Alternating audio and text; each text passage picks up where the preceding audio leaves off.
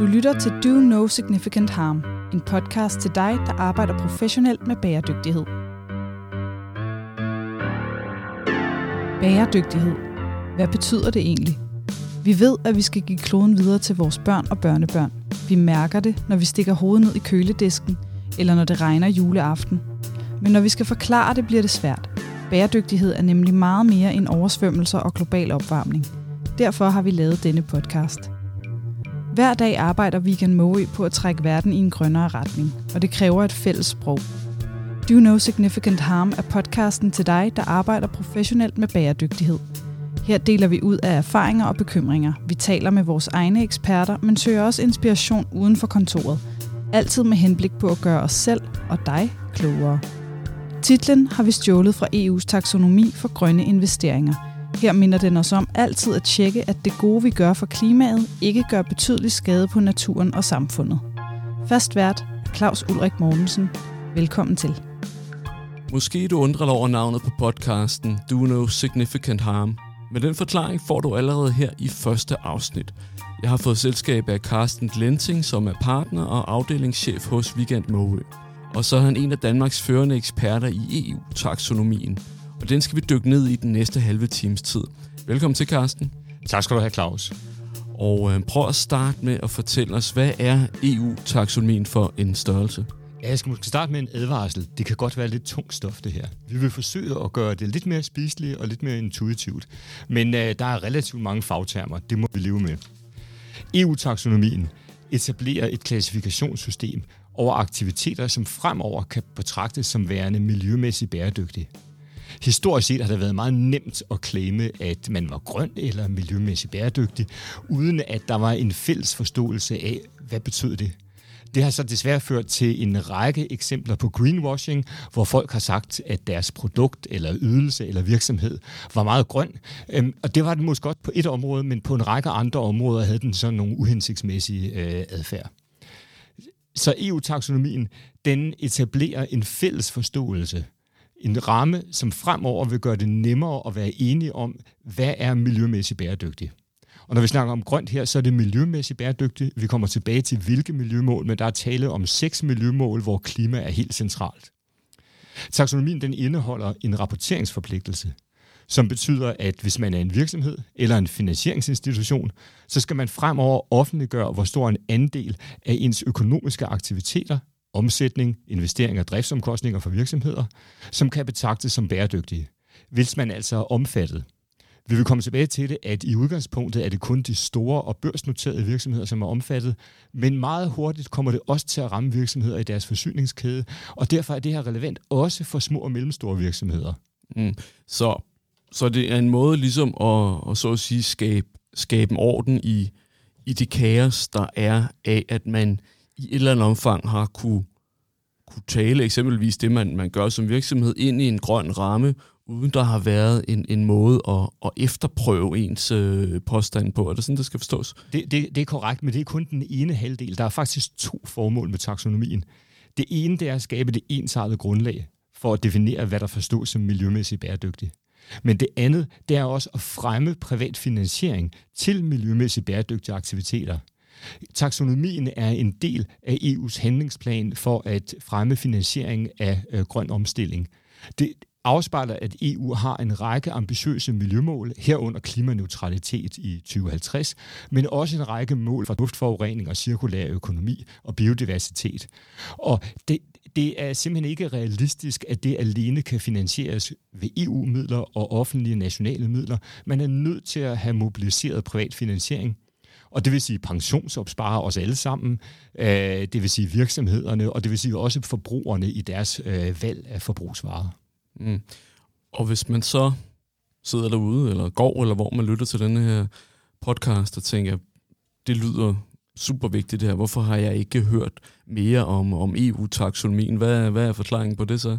Jamen altså, taksonomien er jo ikke helt ny. Den er allerede øh, afspejlet i en taksonomiforordning fra 2019, men den skabte alene ramme omkring den her idé om en øh, sammenhængende grøn taksonomi, som forklarer, hvad der er grønt og ikke er grønt. Øh, efterfølgende er der så arbejdet med at få lavet klassifikationerne. De er på plads nu for de første to mål, som handler om klima, øh, og de er på vej for de næste fire miljømål. For de første to miljømål, der gælder rapporteringsforpligtelsen allerede for i år, øh, og det betyder, at det er nu virksomhederne bliver ramt. Øh, derfor er det også nu, at den kommer op i medierne. I en travl hverdag med covid og energikrise og øh, udfordringer på markederne og dag-til-dag udfordringer i virksomhederne, øh, der, der er, er der måske ikke så meget fokus på, hvad der sker reguleringsmæssigt om 3-4 år, og derfor så er det først nu, hvor virksomhederne bliver ramt på rapporteringsforpligtelsen, at der for alvor er fokus på det her. Og hvis man så sidder derude øh, og har ja, måske ansvaret for en, øh, en, en, en, øh, en mellemstor virksomhed, øh, eller på anden måde har en, en travl hverdag med masser af ting, man skal forholde sig til. Hvorfor skal man have særlig fokus på, på den her EU-taksonomi? Altså, hvorfor er den vigtig at, at, at, at forstå og at tage ind i sit arbejde nu her?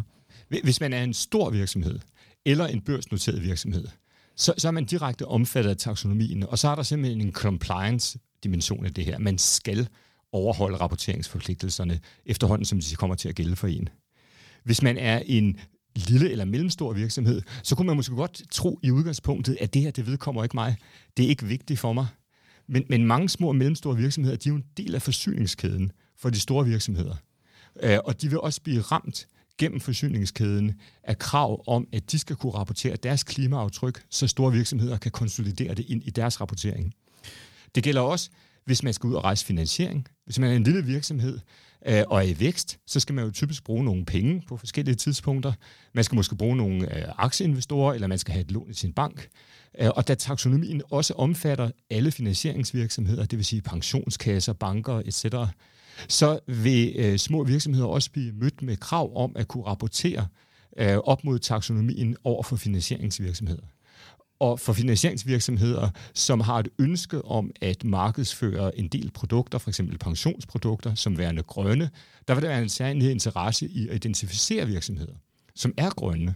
Og derfor, hvis man nu er en lille eller mellemstor virksomhed, og i udgangspunktet kunne være grøn og klassificere under øh, øh taksonomien, så har man måske en egen interesse i at øh, få tjekket det og få markedsført sig selv som værende grøn, fordi det både har en betydning i relation til ens kunder, og i betydningen øh, i relation til adgang til kapital. Og endelig, øh, hvis man nu gerne vil markedsføre sig selv som værende grøn inden for et område, som er dækket af taksonomien, så gør man, bør man gøre det, sådan så det overholder taksonomiens krav omkring grønhed inden for området. Øh, så risikerer man i hvert fald ikke at blive beskyldt for greenwashing. Ja. Men, men det lyder også som om, at EU-taksonomien på mange måder fungerer som, som andre af de motorer, der, der, der driver virksomhedernes arbejde med, med grøn omstilling. Eksempelvis, at du har nogle kunder, der stiller krav til dig, nogle kunder, som øh, enten i kraft af deres størrelse eller i kraft af deres internationale udbredelser, øh, bliver mødt med nogle krav, som de så sender videre i, i værdikæden. Så, så det er ligesom den ene dimension af det. Øh, men så er der også det, det faktum, at, at det er jo det, det er jo ikke en, en dansk ting, det er jo en europæisk taksonomi. Det vil sige, så den, øh, så den, ja, den fagner sådan set alle EU-lande, og i forhold til til hvad, hvad, hvad redskabet så kan, og hvordan man skal arbejde med det. Øh, hvor stor betydning skal vi lægge i, at det er 27 lande, som er tilbage i EU efter Brexit, som alle bliver omfattet af den nye taksonomi på én gang? Altså, på den ene side, så kan man sige, at øh, fremover, så at være grøn vil være det samme i Danmark, og i Tyskland, og i Polen, og i Bulgarien. Øh, og, og det betyder også, at der vil være den samme opfattelse af, hvad et grønt produkt er, og den samme efterspørgsel efter øh, grønhed. Øh, det, det er jo en kæmpe fordel for danske virksomheder, som traditionelt har været meget aktive inden for en række miljøteknologier. Ikke kun klima, men også rent vand for eksempel, og i stigende grad også cirkulær økonomi. Så øh, det, det er klart en markedsmæssig fordel for danske virksomheder. Og så det næste er egentlig ikke så meget spørgsmål, det er mere, øh, for jeg sad og tænkte lidt over, hvorfor er det, vi øh, nu her i, i, i første afsnit af, af Vegan Moes øh, nye, nye podcast tager fat i denne her taksonomi? Er det fordi, jeg tænker, den, den på mange måder ligesom viser det, som, som er meget centralt i, i, i de bevægelser, der sker? Ikke? Og på den ene side, så er det jo et, øh, nogle, øh, altså mange tusind sider med, med, med jo meget specifikke krav til, hvad virksomheder skal kunne dokumentere, hvad de skal, skal leve op til, øh, i forhold til at kunne, kunne tiltrække de her grønne investeringer og kunne markedsføre deres aktiviteter som grønne. Det kan jo virke som et kæmpe benspænd, som en kæmpe udfordring.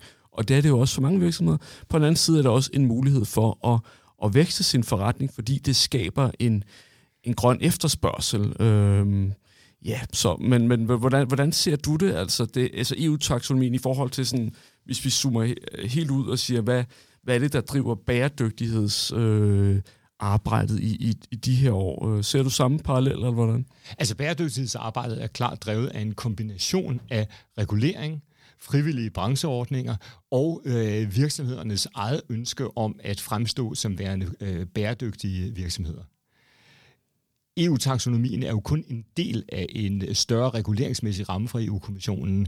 Der ligger en øh, rapporteringsregulering øh, for finansieringsinstitutioner, hvor de skal rapportere op mod taksonomien. Der ligger et nyt Corporate Sustainability Reporting Directive for private virksomheder, som øh, er en videreudvikling af det eksisterende direktiv omkring øh, ikke-finansiel rapportering. Og så kommer der i løbet af næste år også et separat direktiv omkring Corporate Sustainability Due Diligence, som kræver, at vir- de store virksomheder presser bæredygtighedskrav ud i deres forsyningskæder. Allerede i dag har mange virksomheder været ramt af, at øh, store virksomheder har signet op til det, der hedder Science Based Target Initiative, som er sådan et frivilligt initiativ om at rapportere klimaaftryk, ikke kun i det, der sker på virksomheden, men også i forsyningskæden, så ud i det, der hedder Scope 3. Det bliver nu faktisk reguleringsmæssigt understøttet af det her Sustainability Due Diligence Directive. Og det vil sige, at der fremover vil være et krav ikke bare en frivillig mulighed, men et krav om, at virksomheder, der er store, skal arbejde med øh, klimaaftryk, men også andre miljø- og sociale aftryk i deres forsyningskæder. Så som, jeg tror, man som, som lille virksomhed kan man godt blive overvældet af de mange hundrede sider øh, detaljeret regulering, og det, det bliver ikke nemmere læseligt af at være oversat til dansk, kan jeg godt afsløre. Øh, så det, det kan være tungt stof. Øh, men men, men øh, jeg tror, man skal se det som på den ene side en potentiel compliance-udfordring, at man vil blive ramt af rapporteringskrav, men på den anden side også som dansk virksomhed, hvor man typisk er relativt godt med, både på det miljømæssige og på det sociale og på det virksomhedsledelsesmæssige, som en positiv udfordring, en mulighed for at øh, faktisk få adgang til store europæiske kunder, man måske ikke havde i forvejen, fordi man relativt nemt vil være i stand til at dokumentere, at man overholder øh, kravene, og også en mulighed for at øh, få adgang til attraktiv kapital fra pensionskasser og investeringsfonde, som gerne vil have en grøn vinkel. Du lytter til Do No Significant Harm. Men Carsten, øh, hvis du skulle fortælle, altså, hvad er det, der gør, at EU-taksonomien i, i din optik er højaktuel lige nu? Det, der gør, at taksonomien er højaktuel lige nu, det er, at det er nu virksomhederne bliver ramt af rapporteringsforpligtelsen.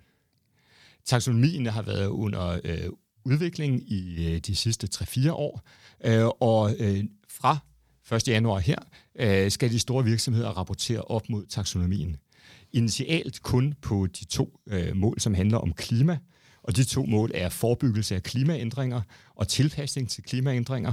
Men i løbet af næste år forventer vi også, at de resterende fire miljømål kommer på plads. Det er bæredygtig anvendelse og beskyttelse af vand og havressourcer. Det er bidrag til overgang til en cirkulær økonomi. Det er forebyggelse og bekæmpelse af forurening. Og endelig så er det beskyttelse og genopretning af biodiversitet og økosystemer. Så en bred vifte af øh, miljømål inden for de områder, hvor øh, EU har et øh, mandat på vegne af landene. Kravene, hvis man skal leve op til taksonomien, det er, at man skal bidrage positivt til et miljømål, men samtidig så må man ikke gøre væsentlig skade på nogle af de andre. Hvis man nu forestiller sig, at man havde en virksomhed, som øh, lavede vedvarende energi, det vil bidrage positivt til øh, det første miljømål om forebyggelse af klimaændringer. Men hvis de samtidig gjorde det på en måde, så det ødelagde vandmiljøet, øh, eller det truede nogle arter, som øh, øh, var øh, beskyttet øh, eller, eller i forvejen udfordret, så vil det jo øh, bidrage negativt til et eller flere af de øvrige miljømål.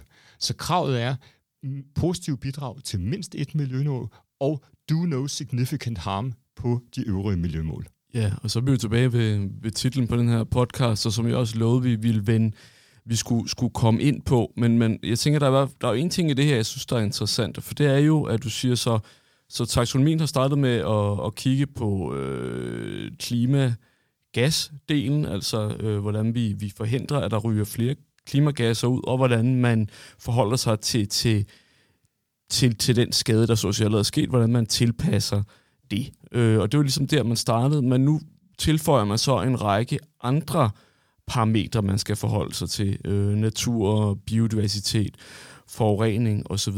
Og det, det rimer jo sådan set meget godt på den generelle bevægelse, der er i, i, i den måde, vi, vi, vi forsøger at kigge, kigge bredere og også øh, tænke natur og biodiversitet øh, stærkere ind i, i, i, i den grønne omstilling. Men hvor, hvor, øh, hvor stor en, øh, ja, for at bruge et lidt fortærsk udtryk, men hvor stor en game changer er det for dig at se, at man ligesom øh, øh, breder paletten ud i forhold til, hvad man skal orientere sig efter? Jeg, jeg, jeg tror, det er enormt vigtigt, øh, og jeg tror, det vil betyde virkelig meget for virksomhedernes fokus.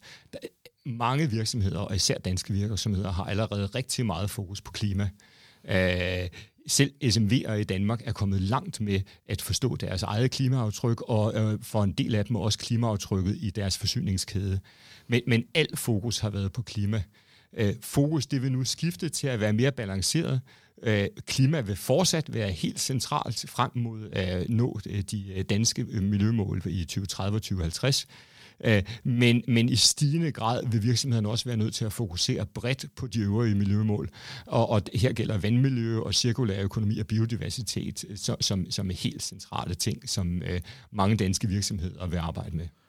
Og hvordan står ja, vores øh, virksomheder, vores erhvervsliv så rustet i forhold til, til den opgave? Fordi det, som, som jeg oplever som, som rådgiver, er, at jo, altså, skulle jeg sige, altså på ugenlig basis kontakt med, med virksomheder, og ofte nye virksomheder, som, altså, hvor, hvor vi jo starter altså helt fra scratch og siger, okay, men altså, det, det er sådan set meget god idé at have et, et, et klimaregnskab, og, og her noget hjælp til, hvordan I kan, kan lave det, og, og så tage fat derfra i forhold til, hvordan du så kan bruge det til at vækste din, din forretning. Jeg tænker, der må der være øh, øh, virkelig mange virksomheder, for hvem det her kan virke altså, skulle jeg sige, uoverskueligt, at, at paletten lige pludselig er, er foldet ud og bliver markant bredere. Ikke? Øh, hvordan tror du, det vil blive mødt, det her? Og, og hvordan, ja, Jamen heldigvis så er brancheorganisationerne allerede i godt gang. Dansk Industri, Dansk Erhverv øh, og øh, alle de sektorbaserede organisationer laver et kæmpe arbejde for at understøtte deres virksomheder i at forstå øh, taksonomien, både forstå de udfordringer, der er med den omkring compliance, men også forstå, hvilke muligheder det her det giver for danske virksomheder til at positionere sig markedsmæssigt i EU og til at få adgang til kapital på attraktive vilkår. Men, men der er stadigvæk en stor arbejde for den enkelte virksomhed.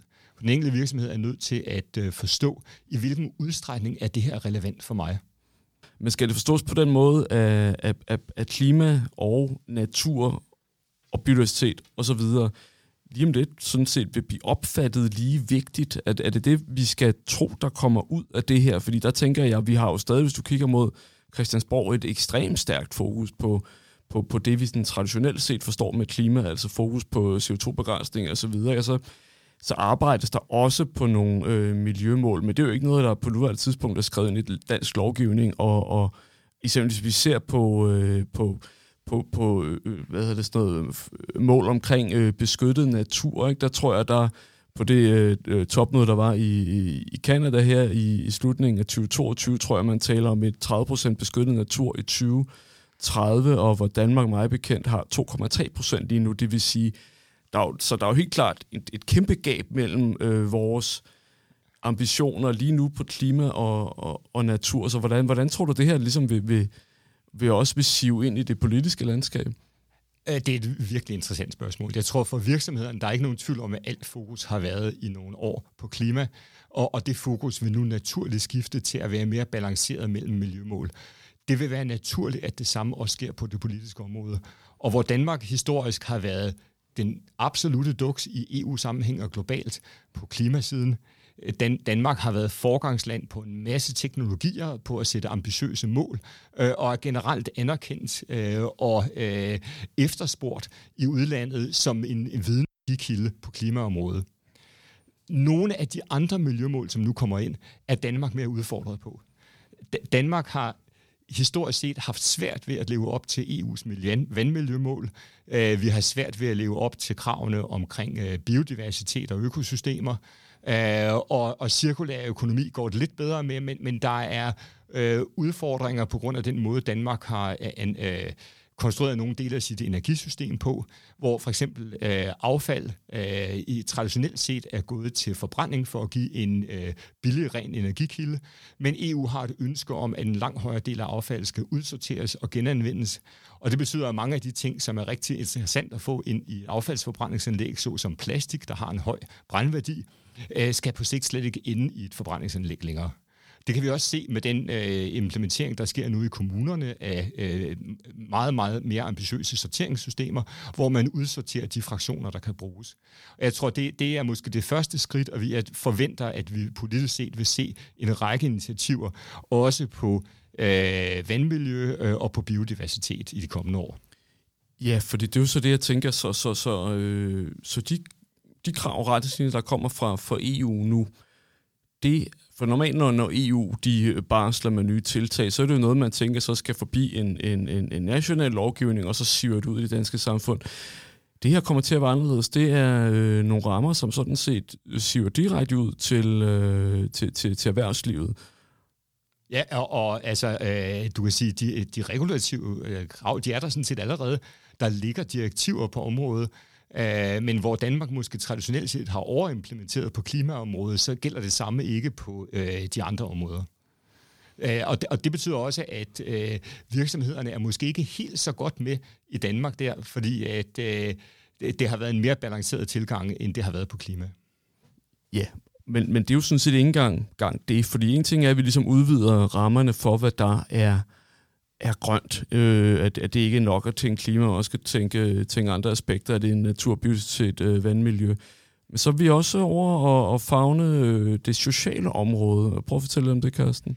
Det er rigtigt, fordi samtidig med, at øh, man får at øh, være klassificeret som en grøn aktivitet, skal leve op til både at have en betydelig bidrag til et af de seks miljømål, og ikke gøre skade på nogen af de øvrige miljømål, så er der øh, en række sociale minimumstandarder, som er lagt ind, som virksomheder op skal, øh, også skal opfylde. Jeg vil så dog sige, at jeg er ikke så bekymret for danske virksomheder her. Danske virksomheder har historisk set altid overholdt de her normer, øh, så, så øh, jeg, jeg ville blive overrasket, hvis der var store problemer. Men, men, men de specifikke minimumstandarder, det handler om FN's verdenserklæring om menneskerettigheder, det handler om ILO's erklæring om grundlæggende rettigheder på arbejdspladsen, øh, FN's vejledende principper for erhvervsliv og menneskerettigheder og OECD's retningslinjer for multinationale virksomheder.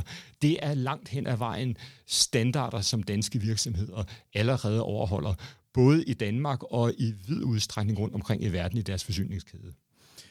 Og det du beskriver nu her også, måske for lige at, at, at binde nogle, nogle, nogle sløjfer på det, meget af det er jo også det, der, der foregår i øh, sådan parallelt i forhold til ESG-rapporterings. Øh, Korrekt. Korrekt. Og, og der bliver jo nu så strammet væsentligt op på rapporteringskravene, øh, men, men jeg tror ikke, at... Øh, jeg, jeg vil ikke forvente, at overholdelsen er en, en stor udfordring for danske virksomheder. Til gengæld så kan rapporteringen i sig selv være en kæmpe udfordring.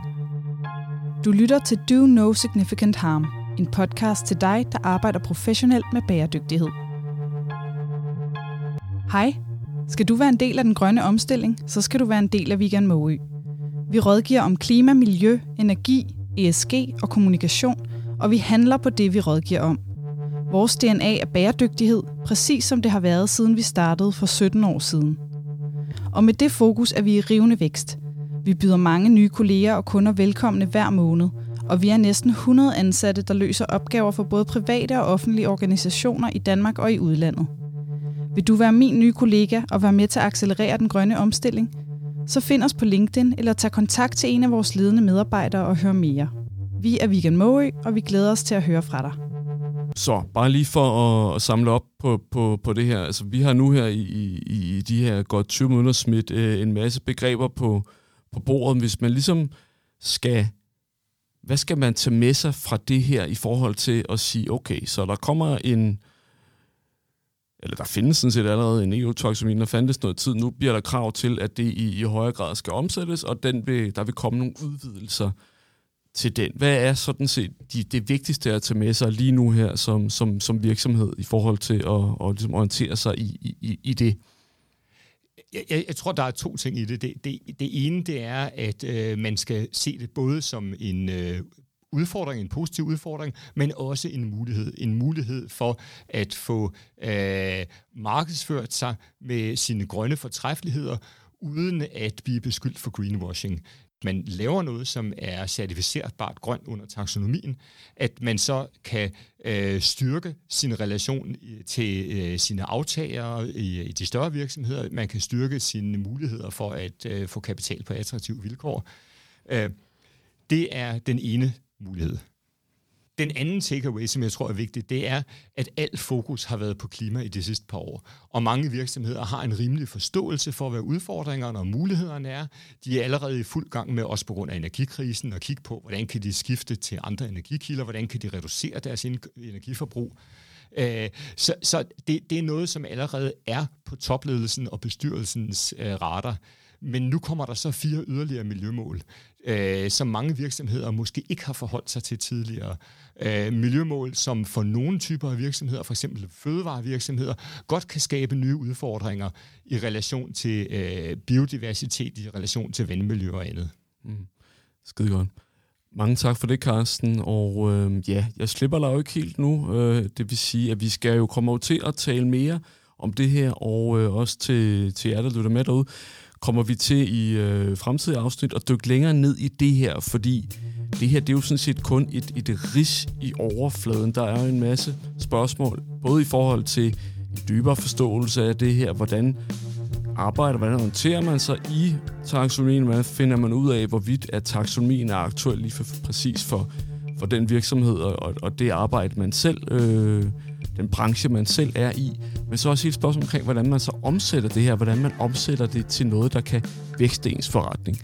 Og det vil vi dykke ned i senere. Men uh, Carsten, tak fordi du var, var med nu her. Tak, det var en fornøjelse.